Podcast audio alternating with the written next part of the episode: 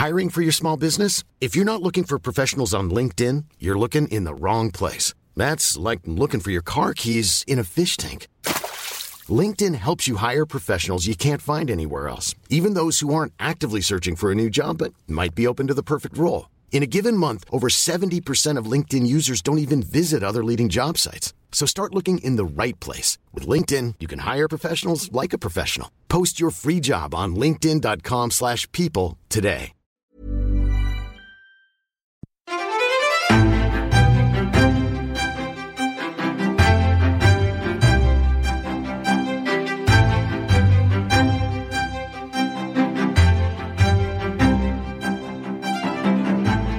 Hej och välkomna till podden Varför ska vi rösta på er? Där vi intervjuar partiledare om vilken jämställdhetspolitik de vill föra. Jag heter Bertil Wassén och med mig har jag Amanda Oxell. Hej och välkomna! Ja, vad roligt. Nu är det det sjätte avsnittet i ordningen här. Ja, det är det. Vem är det vi ska få lyssna till idag då, Bertil? Idag ska vi höra en intervju med Annie Lööf, partiledare för Centerpartiet. Hur kände du inför den här intervjun då? Nej men det kändes jättebra. Det är, det spännande att eh, det är klart när man har två socialliberala partier det är roligt att höra vad de har att säga, hur de skiljer sig i sin framtoning och hur Mm. de väljer att kommunicera sin politik. Ja, precis. Och då är det alltså Liberalerna som Bertil. Just det. Ja, så att, eh, ja, vi får se om det kommer lite inspel på det i eftersnacket. Men vad säger du, ska vi köra igång? Vi kör igång. Så här lät det när vi samtalade med Annie Lööf, partiledare för Centerpartiet. Välkommen Annie Lööf till vår podd Varför ska vi rösta på er? Det är vi jätteglada att du är här idag. Tack så mycket. Hur mår du? Jag mår bra. Solen skiner, det är vår i luften. Ja. Man får ha vårskor och jag har kaffe framför mig. Så att, eh, ja, jag mår bra. Låter ju som en toppendag. ja, verkligen. Är det en helspäckad dag? Ja, det är det. Det är alltid helspäckade dagar. Från minutschema, liksom, från morgon till kväll. Men det är ju också så mitt jobb är och det är så jag älskar det. Sen har jag ju tid för återhämtning också såklart. Men just nu är det intensivt. Vad har du på schemat idag? Ja, eh, bland annat så har jag varit i Farsta, spelat in en intervju med Riksidrottsförbundet med barn och unga, spelat fotboll med tioåringar och sedan så ska jag träffa Israels ambassadör, prata om utrikes och säkerhetspolitik och planerat eh, liksom lite för kommande dagar. Och så den här intervjun. Ja, men super. Det måste ju vara höjdpunkten på din dag. Ja, det är höjdpunkten. Eller att Fast spela det fotboll var med... kul att spela ja. fotboll. Det var, vi pratade om jämställd idrott för Ah. att liksom kom, eh, komma in på det. Möjligheten till jämställd sponsring. Idag är kostar det ju mer att sponsra dam och barnidrott än herridrott och det vill Centerpartiet ändra på. Men idag var jag där för att prata om vikten av att barn och unga rör på sig Mm. och att man hittar tillbaka efter pandemin till att eh, ja, idrotta. Ja, vad spännande. Mm. Vi är ju här idag för att du ska få berätta för väljarna om den politik som Centerpartiet vill föra för att göra samhället mer jämställt. Och du ska få prata om hur er verklighetsbeskrivning ser ut och kanske allra viktigast då vilka politiska lösningar som ni presenterar. Ja, men precis. Och vi börjar varje avsnitt med, eh, bara för att ha som en neutral grund, att citera Nationalencyklopedin, NE, och deras definition av jämställdhet. Och då läser jag till. Jämställdhet innebär att kvinnor och män har samma rättigheter, skyldigheter och möjligheter inom alla väsentliga områden i livet. Och då frågar jag dig, Annie Lööf, vad är jämställdhet för dig och för Centern? Nej, men jämställdhet för mig handlar ju om att forma ett samhälle där man oavsett kön har lika rättigheter, lika skyldigheter och, och samma möjlighet att lyckas och göra det man själv vill. Möjligheten att få vara den man är. Och rent konkret handlar det om att man som kvinna och tjej ska kunna gå hem från bussen en sen kväll och känna sig trygg. Det handlar om att jag ska få lika lön för lika arbete. Det handlar om att jag ska få samma rätt till vård som en man. Så på punkt efter punkt så finns det ju ganska mycket för oss politiker att ta tag i innan vi når ett jämställt samhälle. Men jämställdhet för mig handlar om att mina döttrar ska få samma möjligheter som deras jämnåriga killkompisar. Och hur ser man till att det blir så? Hur ser eh, Centerpartiet till att det blir så? Vad är grundproblemen som behöver lösas? På, på vilka punkter är det som Sverige inte inte är jämställt? Ja, men först och främst så handlar det om normer, attityder. Vi lever ju i en patriarkal struktur eh, som påverkar vårt sätt att både uppfatta oss själva men också vara och bemöta andra människor. Och det börjar ju väldigt tidigt. Så att ska vi bryta den här ojämställdheten som finns mellan pojkar och flickor, mellan män och kvinnor så måste man börja väldigt tidigt. Vi måste helt enkelt våga prata om genuspedagogik. Varje gång jag är ute i, i de frågorna så får jag skäll från yttersta högen om just genuspedagogiken. Men den är så himla viktig på förskolan och i skolor. Att man tidigt pratar om samtycke, man pratar om hur man ska vara mot varandra, om lika möjligheter. Att det som tjej är helt naturligt att kunna få leka med polisbilar och brandbilar och killar att få leka med dockor. Bara för att ta ett sånt urklassiskt exempel.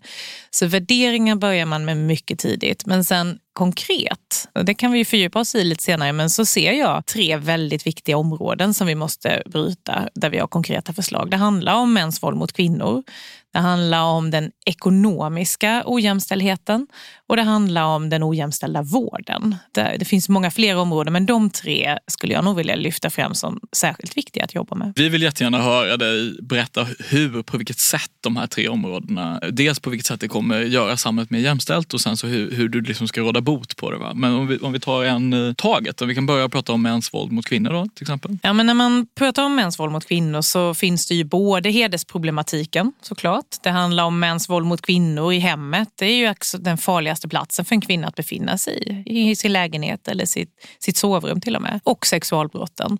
Och för att eh, förändra det så behöver vi se till att män slutar slå. Eh, vi måste jobba med det förebyggande arbetet. Återigen handlar det om attityd och värderingar men det handlar också om att ge pengar till civilsamhället och föreningar som ser till att stödja och hjälpa killar och män som faktiskt vill komma ur sitt destruktiva beteende. Sen handlar det om att stärka och hjälpa de kvinnor som är drabbade genom permanenta långsiktig finansiering av tjej och kvinnojourer. Det har vi sett till genom de åren vi har förhandlat med regeringen nu i budgetfrågor att det finns en långsiktig och permanent finansiering men den måste fortsätta. Vi behöver också se till att skärpa straffen för en rad olika brott här. Grov kvinnofridskränkning, kvinnofridskränkning. Och det är viktigt både för att inskärpa allvaret men också för att polisen ska kunna använda fler tvångsmedel för att få fram bevisning. Och sen vill jag bara säga när jag pratar straffskärpningen där så tror jag det är viktigt att införa ett nytt brott i Sverige som handlar om kontrollerande beteende. Det har man i Storbritannien till exempel för att det är så många män som kontrollerar på olika sätt. Det kan vara i heder men det kan också vara i det vi betecknar som icke-heder, en helt vanlig relation. Man kontrollerar klädsel, vilka man har kontakt med och liknande. Och det är oftast en början på det som sen blir väldigt, väldigt våldsamt och destruktivt. Så det vill vi också införa ett brott kring kontrollerande beteende. Förlåt. Vi vill gärna höra dig prata mer om det. Men om vi, om vi delar liksom upp det, om vi har mm. piskan och moroten, då, mm. hjälpen och straffen. Mm. När du pratar om att man ska hjälpa män, på vilket sätt gör man det? Alltså, hur kommer det ta sig uttryck rent mm. konkret? Men jag ska vara riktigt ärlig så har jag faktiskt noll sympati för de som slår och de som förtrycker. Så att anledningen till att vi väljer att ändå lyfta de här förslagen det är ju för att vi måste ju ha grundförståelsen att oavsett vad vi politiker gör så kan vi inte komma åt mäns våld mot kvinnor om inte männen slutar slå.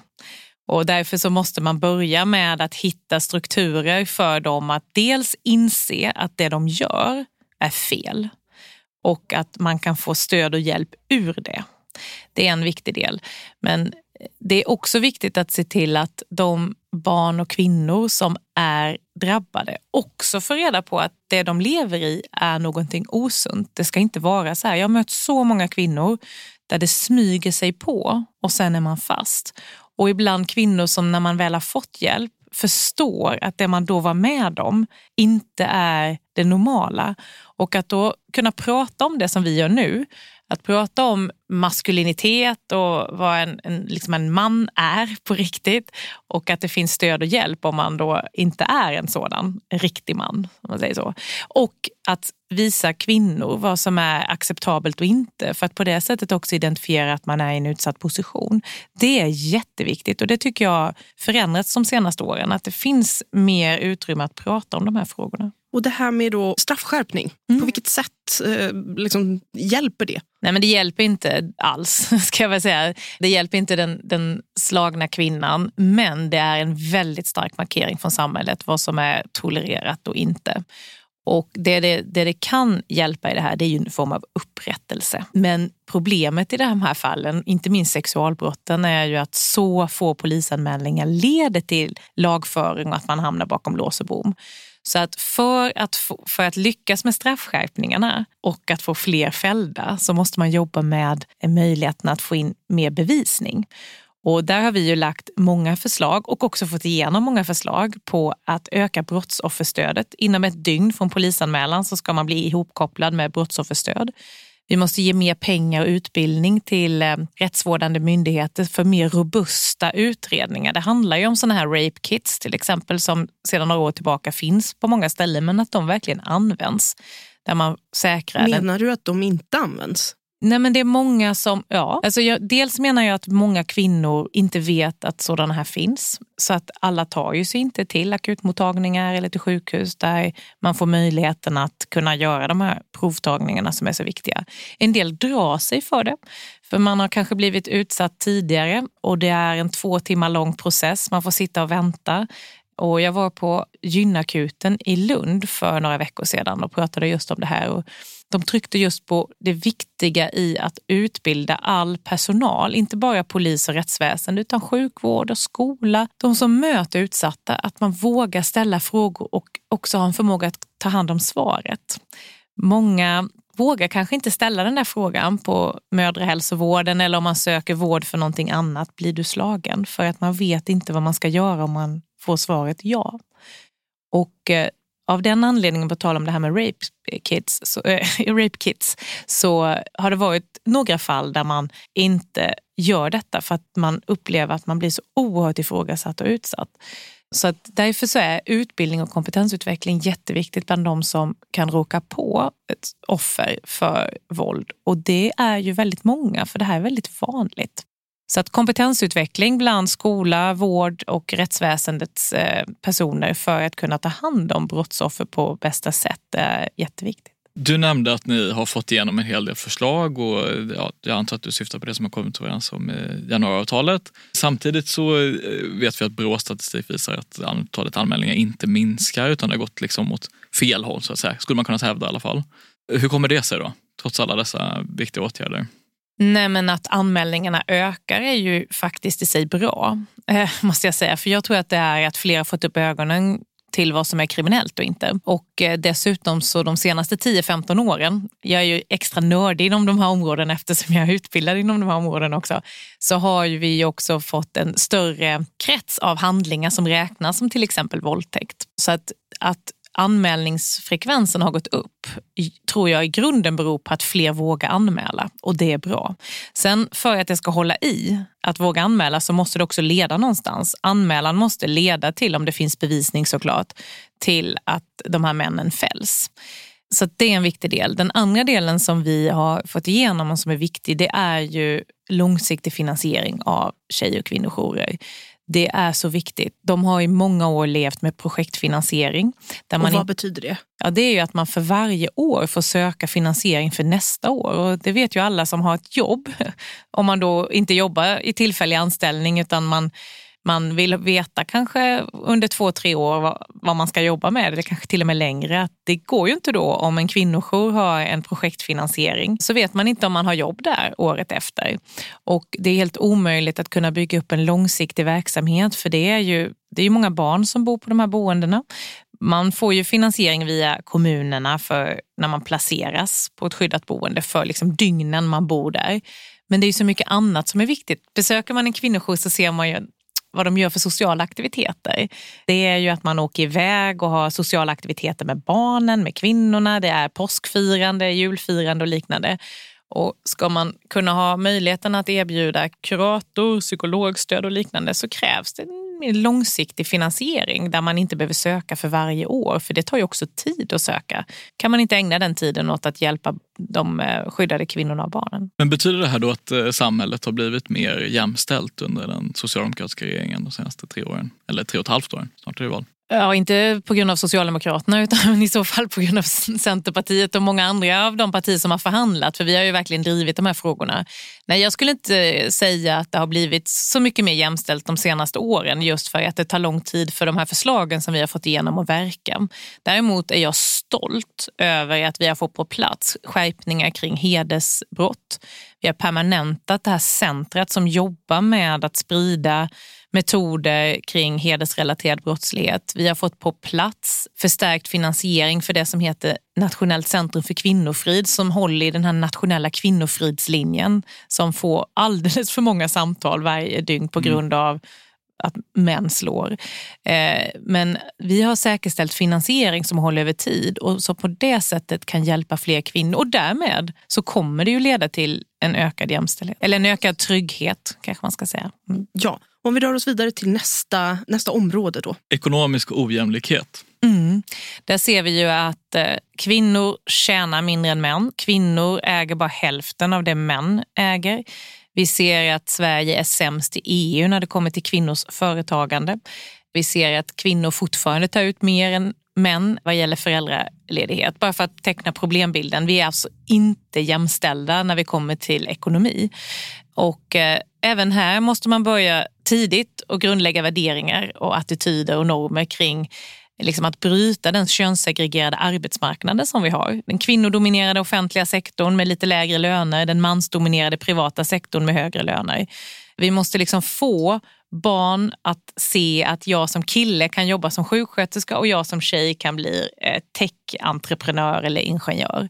Och det där kan man inte politiskt lagstifta fram men det handlar om värderingar och det handlar om bättre villkor inom kvinnodominerade sektorer. Både vad gäller bra arbetsmiljö med chefsutbildning, bra arbetsvillkor med högre löner och därmed högre status. Där har vi många förslag för hur vi ska kunna göra det. Men ta kring ekonomin. Vi vill gärna höra om dina förslag för att höja lönerna. Mm. Ja, men eh, bara för några månader sedan presenterade jag ett stort paket för att höja statusen inom vården. Dels handlar det om att vi behöver få fler som vill utbilda sig till sjuksköterskor. Där har vi förslag kring examenspremie för att liksom få en extra bonus när man är färdigutbildad sjuksköterska.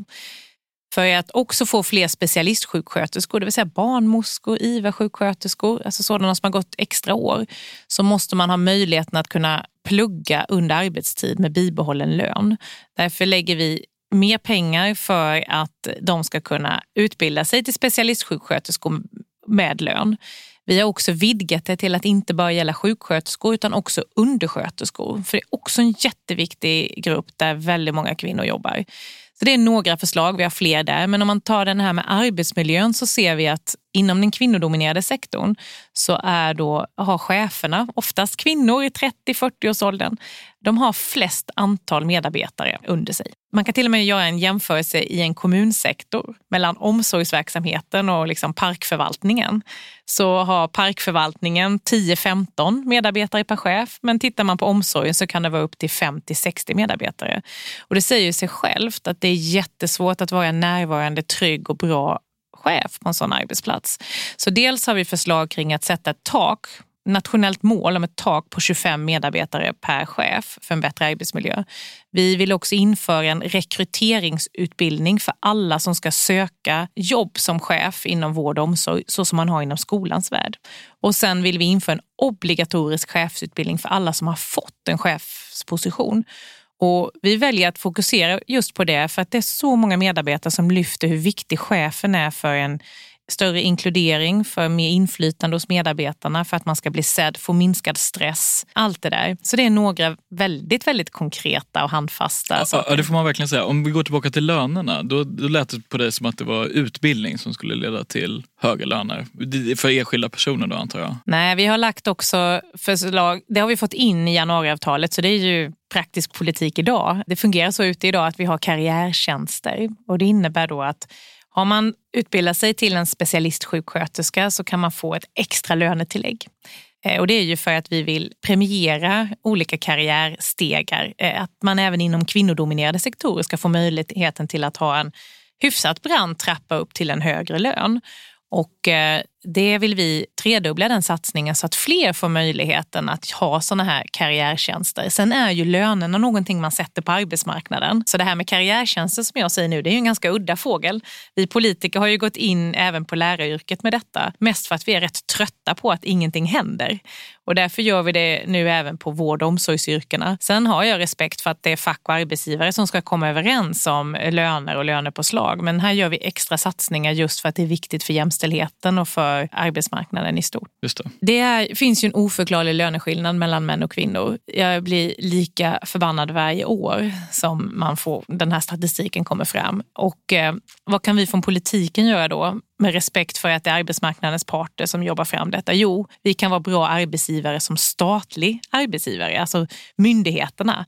Alla myndigheter, polisen, men även det offentliga i form av lärare som är anställda av kommunerna. Vi kan gå före och vara ett föredöme. Så att vi har förslag, och det kostar ett antal miljarder, men att ha en plan de kommande åren där det statliga arbetsgivarverket, en myndighet, faktiskt ser till att få bort de oförklarliga löneskillnaderna hos de som är anställda i, i statlig regi. För då städar vi framför egen dörr och sen kan det vara som ett en bra inspiration för privata arbetsgivare att komma efter. Ja, men precis. Och det här med egen dörr då? Hur ser det ut hos er? Gör ni lönekartläggning? Hur ser liksom löneskillnaderna ut? Och... Absolut, vi gör en lönekartläggning. Vi gör det varje år, har uppföljning. Jag ska faktiskt få, vi har en HR-rapport som kommer upp på måndag mm. på vårt verkställande utskott och sen på partistyrelsen om tre veckor. Så jag ska få den imorgon, jag har mm. inte sett den än. Nej. Men jag tycker att det är oerhört viktigt. Och i en sån här HR-rapport som givetvis för chefer och tjänstemän har ansvar för, men det måste ju förankras i ett politiskt parti tycker jag, i den politiska ledningen. Så i den här HR-rapporten så ser vi då hur det ser ut på enhetsnivå vad gäller sjukskrivningar, vad gäller föräldraledigheter, uttag, vad gäller lön. Inte på enskild person, Nej. för det är ju inte, alltså det är inte, men man kan se det på liksom aggregerad nivå på en enhet och uppdelat på kön. Just det.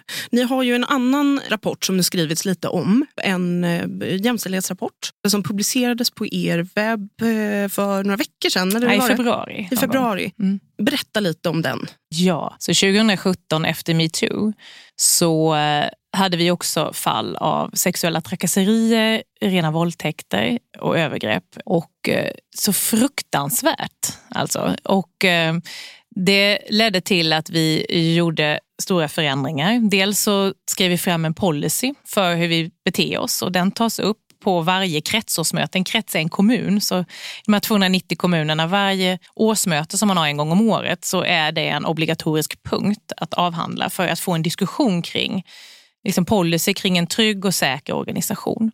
Så dels, det här är två delar i, i detta som har varit uppdagat de senaste månaderna. Dels handlar det om att vi nu har gjort en utvärdering av den policyn. Hur många vet om den? Hur hanteras den? Hur kan man öka kännedomen ytterligare? Och eh, det visar sig att relativt många faktiskt vet om den. Men man känner liksom en, en oro för att anmäla om någonting är olämpligt. För vi har en decentraliserad organisation där man anmäler lokalt. Och då kan det ju vara att man behöver anmäla någons granne, kompis, pappa och man drar sig för det. Så en lärdom ifrån den utvärderingen det är att vi nu ska ha en central funktion. Vi anställer en person som på heltid kommer jobba med detta, där man får en likvärdig bedömning i hela landet.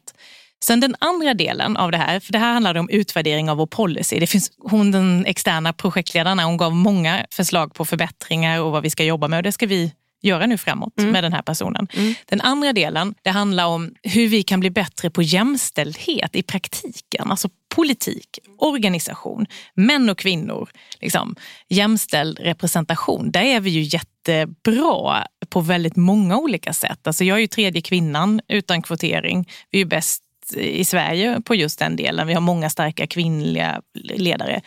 Men det är inte bara det som är viktigt, utan det är viktigt underifrån också. Att tänka att det inte bara är män som ska sitta i de här tekniska nämnderna och kvinnorna sitter i socialnämnden, utan att liksom verkligen vara medveten i sin genusanalys här. Mm. Och det har externa konsulter hjälpt oss med och tagit fram detta. Och det har kommit fram då allvarliga saker som vi behöver bli bättre på. Och jag är väldigt glad över att vi har vågat göra det här öppet och transparent. Vi har publicerat det här för jag vill så Centerpartiet är ju inte skonat från sexuella trakasserier och dålig arbetsmiljö, tyvärr.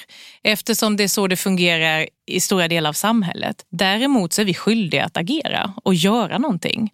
Och eh, det är också därför vi är så pass transparenta. Vi har valt att inte vara helt transparenta med liksom enkätsvaren och liknande för det är så lätt att kunna ja, precis, eh, se vem det är och liknande för det är viktigt med integritet. Men i stort sett så är findings och slutsatser och vad vi kommer göra framåt nu. För det är väl det som kanske har snackats om lite det senaste då eller skrivits om i det senaste liksom gällande rapporten att den inte skulle ha publicerats i sin helhet utan att den då har tvättats av partiledningen. Det, liksom, det eh, kan man väl tycka vad man vill om huruvida folk uttrycker sig så men är det bara då enkätsvaren som inte har publicerats i den här rapporten eller vad, vad är det som inte har publicerats? Nej, men vi har haft två konsulter som har jobbat. Så dels är det ju, deras rapporter har ju inte publicerats utan vi har skrivit en sammanfattning av bägge dessa stora rapporter. För vi vill ju tillgängliggöra det som kommer fram.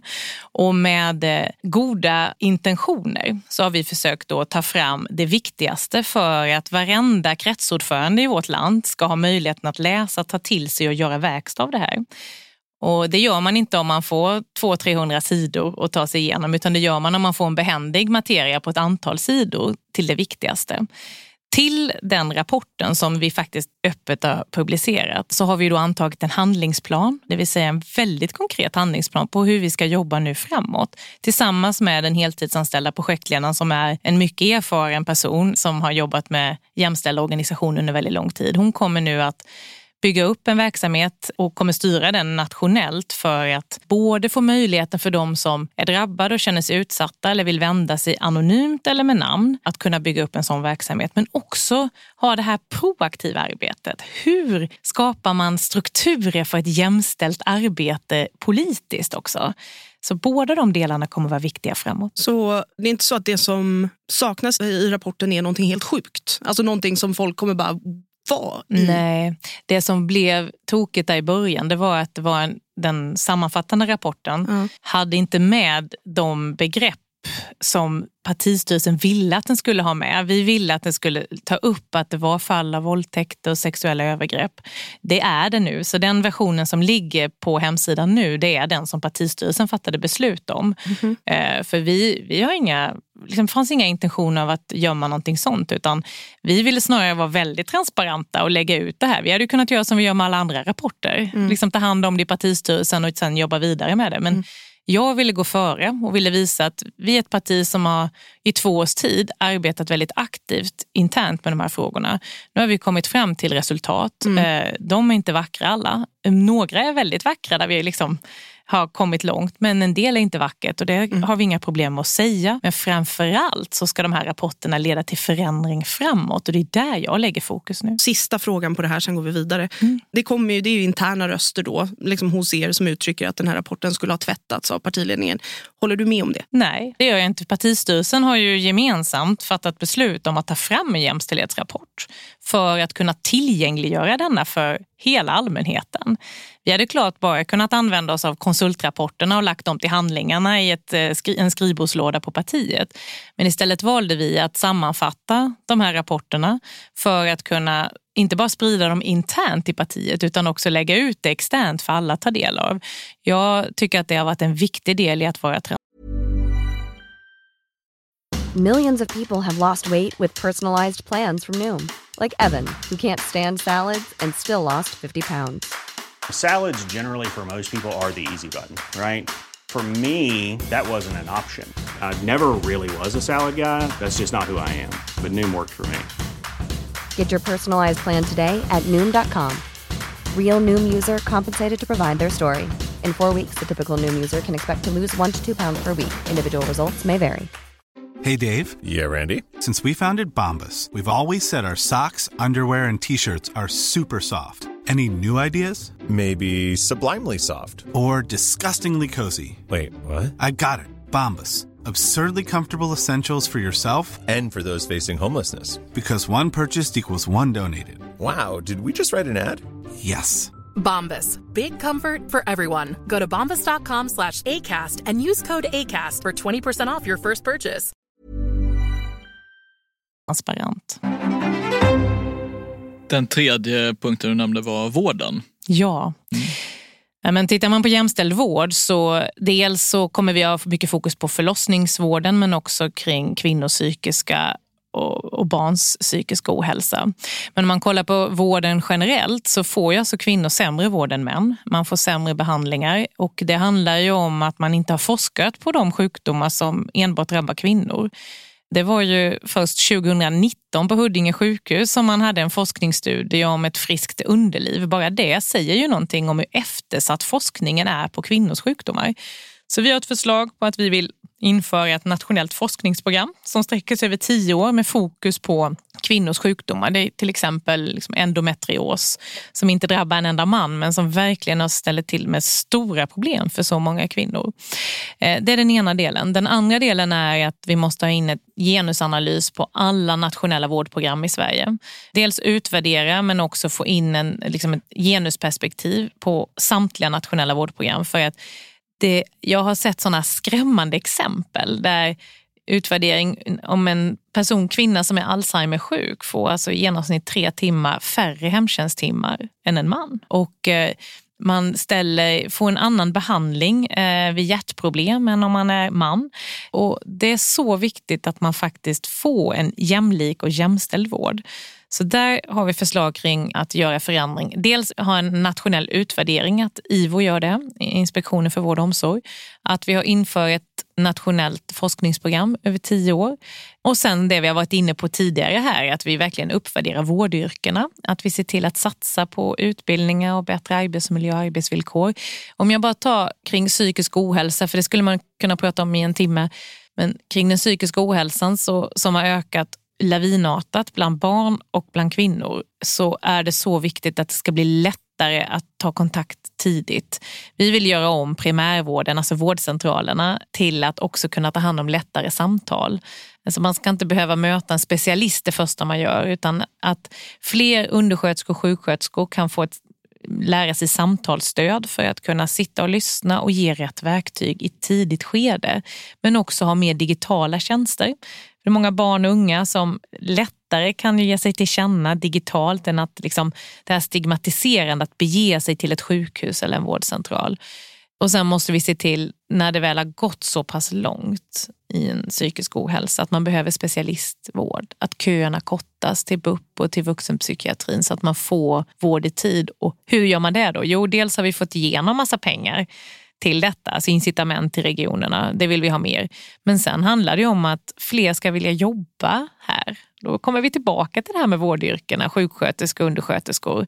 För vi behöver ju fler som kan ta emot de som står jobba här som i, jobba inom vården? Ja, som jobbar inom barn och ungdomspsykiatrin eller vuxenpsykiatrin till exempel. Mm. Ska vi korta köerna till eh, operation så behövs det fler sjuksköterskor som kan hjälpa till inför och under en operation.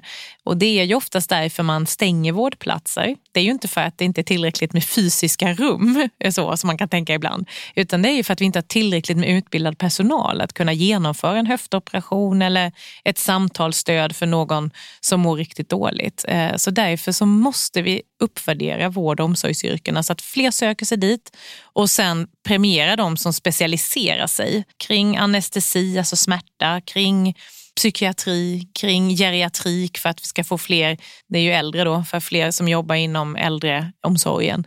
Eh, så det är viktigt att nationellt när vi sitter och förhandlar pengar, att göra de där riktade satsningarna till de fokusområden inom vård och omsorgsyrkena där vi har brist idag. Du nämnde kvotering förut, att Centerpartiet har haft tre kvinnliga partiledare utan kvotering. Ni ställer er negativa till kvotering, är det inte så? lagstiftad kvotering, absolut. Däremot, alltså så här man pratar om, jag brinner för jämställdhet och jag brinner för att det ska vara en jämlik representation. Vi har ju på våra listor varannan man och varannan kvinna för vi är helt övertygade om att kompetens sitter hos bägge och ska man ha en Ska man ha en så bra organisation som möjligt så ska det finnas en jämställd representation. Däremot så vill vi inte ha en nationell lagstiftning kring hur eh, styrelser ser ut. Varför inte? Helt enkelt för att dels vill jag inte, det här är olika, men jag som kvinna i alla fall, jag vill veta att jag sitter där på grund av min kompetens och inte för att det fattades en kvinna i rummet.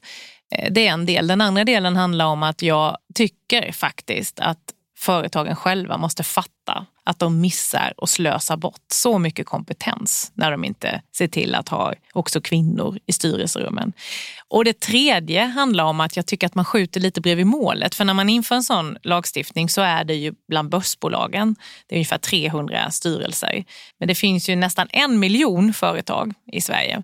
Och jämställdhet börjar ju liksom underifrån. Det börjar ju på verkstadsgolvet i Gnosjö på det familjeföretaget. Att det är systern som blir vd och inte brorsan. Det handlar liksom om att se till att Också ledningsgrupperna är också viktiga, att de är jämställda. Därför så tycker jag att det som den här stiftelsen Allbright gör, där man gör skämslistor och där man liksom verkligen analyserar och utvärderar hur företag sköter sig på ledningsgruppsnivå och mellanchef och sånt, är så otroligt viktigt för, för jämställdheten att sätta fingret på att här behöver man göra förändring.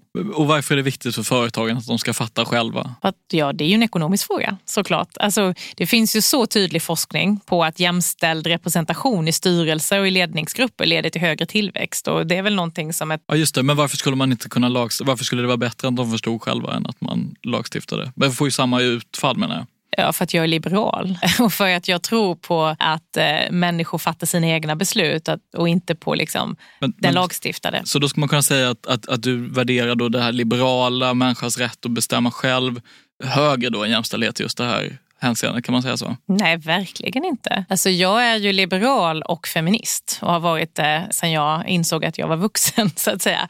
Och eh, Det här är någonting som jag verkligen brinner för. Jag har varit partiledare i snart 11 år, oftast enda kvinnan i de här sammanhangen. Inte minst när jag varit i Bryssel.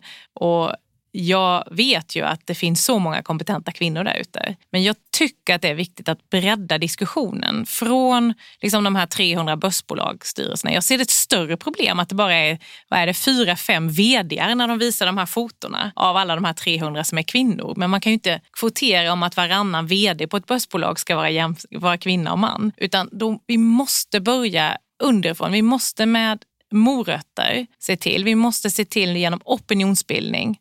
Jag har inga problem med att prata om det här som många politiker gör. Att liksom, den här pressen att det kan komma lagstiftning om ni inte sköter er för då skärper de sig.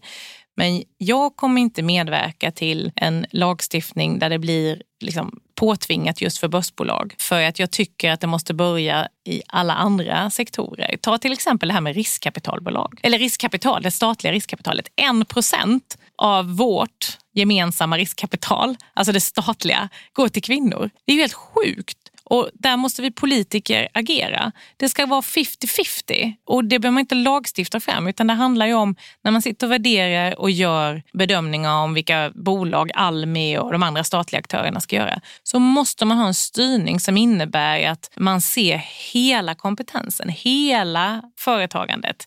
Och det gör man ju inte idag när bara en procent av det statliga riskkapitalet går till företag som drivs av kvinnor. Så här har vi ett jättearbete och det tycker jag är så mycket viktigare. Men vad är det än... arbetet? För jag förstår, liksom den, eh, jag förstår tanken så, men om man inte gör någon något annorlunda. Mm. Då kommer det ju bara fortsätta som det är idag liksom med eh, pappor som tar ut inte ens 70 procent. Alltså de, tar, de tar inte ens ut liksom det de behöver av eh, föräldraförsäkringen. Och, ja, men bolagen är inte i närheten av att vara liksom jämställda och, och takten för jämställdhet är liksom plågsamt eh, låg. Hur förhåller det sig liksom, men eh, eh, vet ni vad? Det är ett förslag som jag säger nej till och så säger jag ja till 150. Så att det handlar ju om vad är det som ger rätt och riktig effekt på jämställdheten. Alltså jag är så himla rädd när jag möter då manliga politiker måste jag säga, som slår sig för bröstet för att man är för kvotering av börsbolagsstyrelser. Och då är man ju mer feminist och mer jämställdhetskämpe än vad jag är för att man vill minsann ha en, en nationell lagstiftning på plats. Brukar säga det, okej, okay, så ni är nöjda då när ni inför den här i riksdagen. Då kan ni liksom gå hem och säga att ja, vi har i alla fall en lagstiftning som säger att det ska vara 50-50. För, för mig är inte jämställdhet bara... Jag förstår hur, hur man tänker.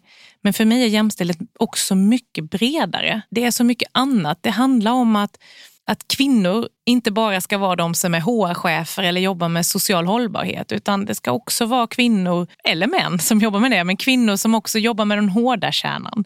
Och det där löser man inte med lagstiftning. Jag vill att alla de tusentals bolag som ligger utanför Stockholmsbörsen också ska vara jämställda. Inte bara i styrelserummen utan att det ska vara fler kvinnor som är vd. Det löser man inte med den lagstiftningen. Det ska vara schyssta arbetsmiljöer, fria från trakasserier. Det löser man inte med en sån lagstiftning. Så att jag har jättemånga förslag för hur man ska få en jämställd arbetsmarknad. Nu här senast genom januariavtalet så har vi ju fått på plats den största förändringen av svensk arbetsmarknad i modern tid. Rätt till heltid är norm nu. En jätteviktig del. Alltså, och som vi tillsammans med de andra partierna har varit med och drivit fram. Eller att man som undersköterska ska få betald utbildning, kompetensutvecklas. Det är ju en fantastisk reform på många sätt. Så, att, så mycket som vi gör som jag tror kommer att leda till verklig jämställdhet. Då får man inte fastna i de teoretiska resonemangen utan verkligen vara hands-on mm. på marken. Tack för det svaret. Man kan ju läsa sig till att ni vill göra en översyn av eh, föräldraförsäkringen för att skapa mer jämställda och jämlika villkor för alla föräldrar. Vad innebär det? Ja, att fler ska dela lika. Att fler ska dela lika? Jag och min man har delat precis 50-50 eh, på båda våra barn. För att vi båda tyckte det var viktigt, för att vi båda vill vara hemma med våra barn och lära känna dem när de är små.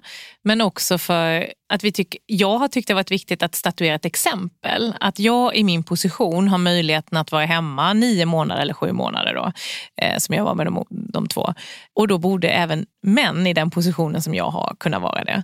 Sen så är vi väldigt ojämställda när det kommer till vabben, för det är min man som tar majoriteten av dem. Men det är ju som det är. Men eh, för att inte skämta bort det här så är det, jag vill se ett ökat jämställt uttag med föräldraförsäkring. Och hur kommer man ja, dit? Och med vab, för det är också en jätteviktig del. Mm. Jag tror vi står bakom de förändringar som har skett nu med fler öronmärkta månader. Jag tror att det, det har varit en viktig del i att fler män faktiskt är hemma. Mm. Men vi har inga förslag på att ha 50-50 i föräldraförsäkringen och mitt parti resonerar så att liknande som det som vi pratade om innan, att eh, man man menar att det passar inte för alla. Alla kan inte vara hemma och därför så behöver man se till att ha en flexibilitet men uppmuntra mer till jämställt uttag. Det här med som man har haft jämställdhetsbonus och annat. Men vi har nu fått igenom så att man ska göra en översyn av föräldraförsäkringen som du tog upp här. Och där vill jag ju väga in också andra delar, för det finns ju andra, alltså, i många familjer finns det ju sociala föräldrar. Om man är en stjärnfamilj till exempel eller liknande. Eller om man är ensamstående pappa eller mamma till sina barn. Så måste vi ha en modern föräldraförsäkring. Så vi vill göra förändringar i föräldraförsäkringen men vi är inte där att vi vill ha lagstiftat 50-50 för att vi tror inte att det passar alla familjer. Nej, ni säger nej till 50-50? Ja, det ja. gör vi. Du, du, sa, eh, du började på att säga vårt parti och vi. Hur ställer du dig själv till, till 50-50? Nej, men jag är partiledare för vårt parti så jag står bakom vad vårt parti tycker. Men jag kan konstatera att när jag själv har gjort valet i min egen familj så har vi delat lika för att det har funkat för oss. För jag har all respekt för att det inte funkar för alla. Men i vårt fall med en partiledare som mamma och en ingenjör som pappa som också är chef så har det fungerat väldigt väl att eh, dela lika och jag skulle verkligen rekommendera fler att göra det. Så tummen upp på dela lika alltså, men nej till 50-50? I nationell lagstiftning. Ja. En sista fråga då. Tio snabba sekunder här. Oh. Varför ska vi rösta på er? Man ska rösta på Centerpartiet för resultat i praktiken. Alltså vi är ju genuina feminister och jämställdhetskämpar som lägger förslag på förslag på förslag kring hur vi ska öka tryggheten för kvinnor, stoppa mäns våld mot kvinnor, se till att öka den ekonomiska jämställdheten och få en jämställd vård. Så vi pratar inte bara utan vi gör också. Tack Annie Lööf för att du eh, kom hit och träffade oss idag. Ja, stort tack. Ja, men stort tack för samtalet.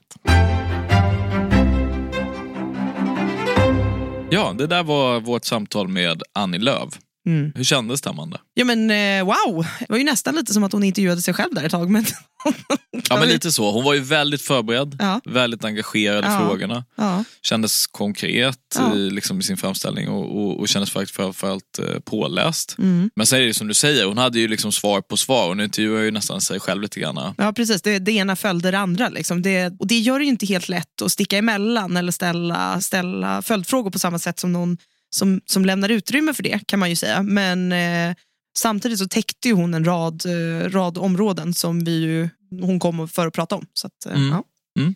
Ja, och sen så hennes problembeskrivning, det hon liksom målar upp som de största problemen när det kommer till jämställdhet i samhället var ju mm. då tryggheten för kvinnor, pratade om behovet av lika lön Mm. och sen så samma rätt till vård. Så det känner man ju igen, de tongångarna har vi ju Det, hört förut några gånger. det har vi ju. Det har vi ju. Men sen så var det liksom en grej jag åtminstone tyckte stack ut och det var ju att hon, hon hade liksom en, eh, kanske en retorik som vi inte har känt hört så mycket just på eh, de här partierna som ligger åtminstone mitt till höger. Mm. Hon pratade ju om normer och patriarkala strukturer, eh, vikten av att tidigt börja prata genuspedagogik. Mm. Så det skiljer sig ju ändå från de andra borgerliga partierna menar jag. Jätteintressant, för det är ju verkligen så att eh, alltså, när vi har intervjuat de andra borgerliga partierna då har man liksom varit tvungen att nästan dra det ur dem att eh, det liksom, eh, finns strukturer i samhället och liksom, no- normer och värderingar har en viss påverkan på jämställdheten och sådär. Men eh, så att det är ju tydligt eh, avsteg från den linjen, liksom, att Annie själv för den linjen, eller för den, pratar om det. Liksom. Ja, nej men precis. Och det var ju generellt mycket fokus på förebyggande arbete. Mm. Oavsett om det kommer till mäns våld mot kvinnor eller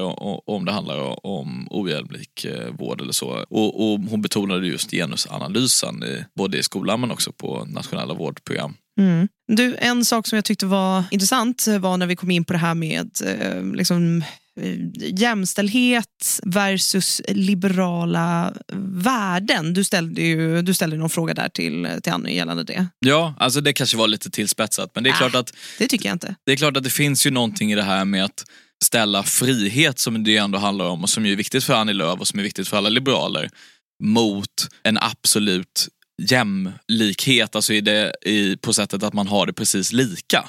Det var mer det jag menar. Att det, det är klart att det går ju att lagstifta så att det blir ännu likare mellan oss alla. Det går ju att avskaffa marknadsekonomi om man skulle vilja det och se till att alla har likadana kläder och lika mycket. Jo, men det ju- skulle ju leda till att det är lika mellan alla.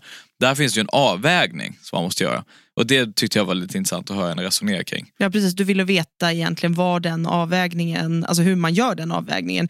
Hur mycket får man reglera versus hur mycket ska man lämna fritt till varje individ att välja. Ja, precis. Och Ja. jag menade ju inte alls att det finns en diametral motsats mellan jämställdhet och liberalism. Det var verkligen inte det jag menade. Nej, precis. Men att någonstans så liksom finns det, en, eh, det finns eh, något lite krispigt där som tål att vrida, vridas och vändas på. Ja, och det är ändå en avvägning sådär som vi har hört partiledarna resonera om. Inte bara hon Nej, utan precis. eh, allihopa. Det är, Ja. Någonstans är det ju det som det handlar om. Jo men exakt, ja verkligen. Och så var det intressant när vi pratade om föräldraförsäkringen och huruvida den ska vara 50-50 delad lika. Mm.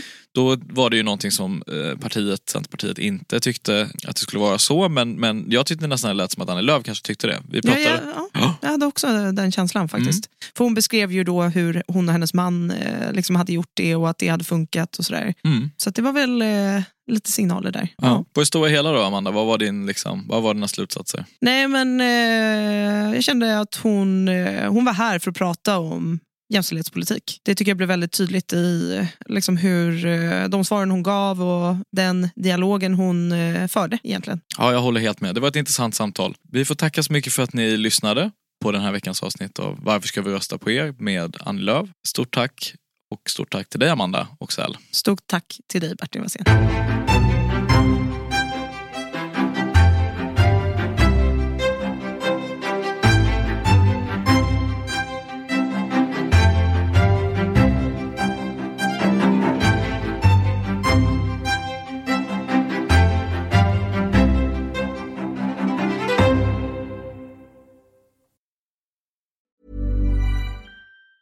Planning for your next trip? Elevate your travel style with Quince. Quince has all the jet setting essentials you'll want for your next getaway, like European linen, premium luggage options, buttery soft Italian leather bags, and so much more. And it's all priced at 50 to 80% less than similar brands. Plus, Quince only works with factories that use safe and ethical manufacturing practices. Pack your bags with high-quality essentials you'll be wearing for vacations to come with Quince. Go to quince.com slash trip for free shipping and 365-day returns.